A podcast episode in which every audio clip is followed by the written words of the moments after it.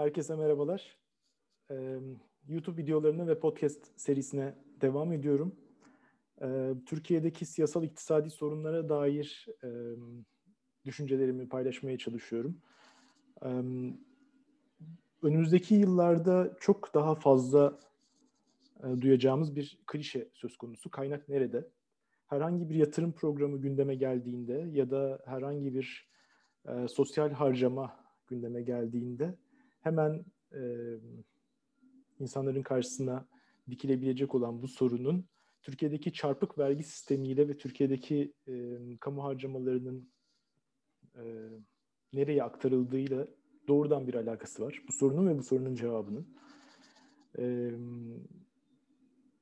2018-19 krizi sonrasında e, belki yeni bir iktisadi çevrim, iş çevrimi ile Türkiye'nin önümüzdeki yıllarda yaşayacağı tarzda bir kamu maliyesi sorununun yaşanması engellenebilirdi ama pandemi kaynaklı çöküş açıkçası bunu da seçecekti. Türkiye'de kamu borç stoku uzun yıllar sonunda yüzde 40 bandına dayandı. Kamu özel işbirliği işbirlikleri karşı, nedenli yükümlülükler nedeniyle aslında bu Türkiye'nin mali alanının son derece daraldığını söyleyebiliriz. Önümüzdeki yıllarda kaynak nerede sorusunu çok daha fazla duyacağız.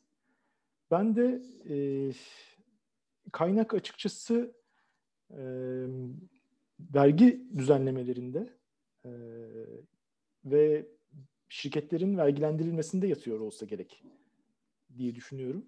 E, Türkiye'de kurumlar vergisi toplam vergi gelirleri içinde son derece düşük bir yer tutuyor. Bu e, cüretkar ve dünya ölçeğinde yarışmaya hevesli iş insanlarının neden yeterince vergi ödemediğinin sürekli olarak sorulması gerekiyor. Ee, bunun bir düzenleme boşluğunun kullanılmasıyla ve offshore finansal merkezlere aktarımla ilgisi bulunuyor. Türkiye'de offshore finansal merkezlere yapılan para aktarımı son 20 yılda hızla artma, arttı ve artık açıkçası Türkiye'den dışarıya yapılan yatırımlar içinde önemlice bir pay tutmaya başladı. Çok kısaca bir netlik e, kazandırmaya çalışayım. Kendi ekonomik büyüklüğüyle orantısız bir şekilde şirketlere kurumsal ve finansal hizmetler sunan yerlere offshore finans merkezi adı veriliyor.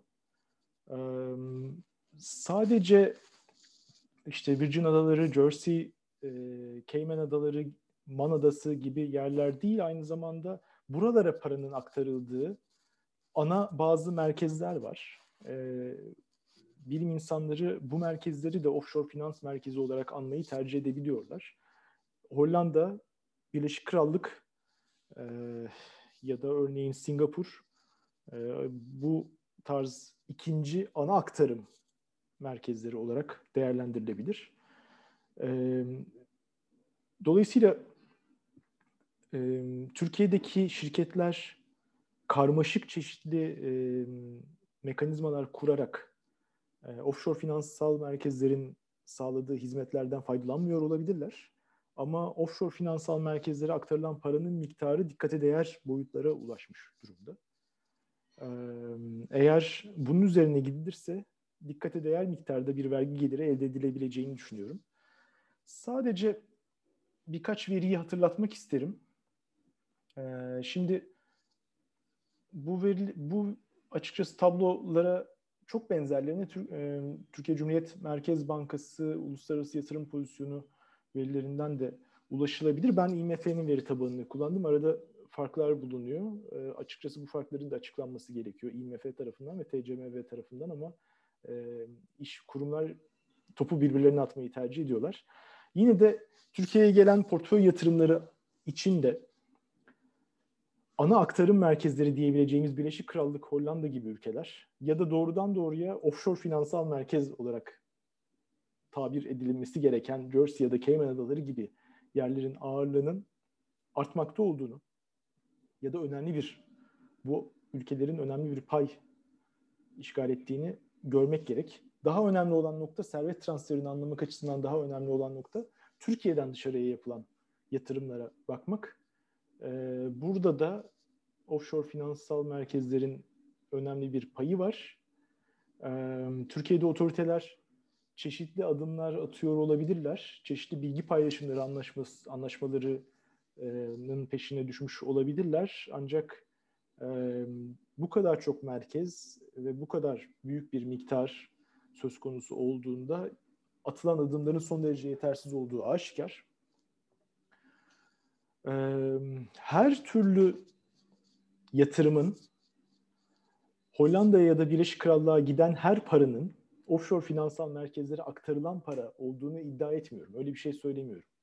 Ama eğer Türkiye'den dışarıya yapılan doğrudan yatırımların %65'inin offshore finansal merkezlere ya da buralara aktarımın yapıldığı ana kanallara gitmesi gibi bir durum söz konusuysa eğer bunun üzerine gidilmesi gerektiğini vurgulamaya çalışıyorum. Peki bunun üzerine gidiliyor mu? Açıkçası hayır. E, Kurumlar Vergisi Kanunu'nun 30. maddesi gereği e, Türkiye'de eski rejimde Bakanlar Kurulu'nun, yeni rejimde Cumhurbaşkanı'nın offshore finansal merkezleri ilan etmesi e, ve buralara yapılan aktarımların e, üstüne gidilmesi için gereken listenin açıklanması gerek. Bu liste açıklanmıyor. 15 yıldır bu liste açıklanmıyor. Dahası e, sadece daha az, Türkiye'de daha az vergi vermek için Türkiye'nin dışına bu tarz merkezlere para yatırılmıyor. Aynı zamanda bu tarz merkezlerden Türkiye'nin sağladığı yüksek faiz ortamından faydalanmak üzere çok hızlı bir para girişi gerçekleşebiliyor.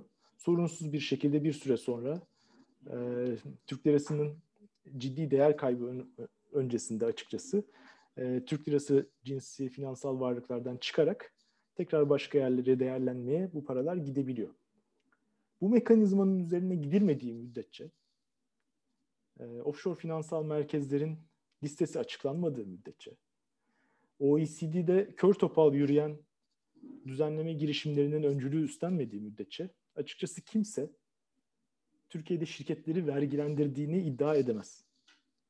Bu olmadığı takdirde de, bu tarz bir vergilendirme olmadığı takdirde de Türkiye'de kamu maliyesinin e, derin sorunlar yaşaması kaçınılmaz.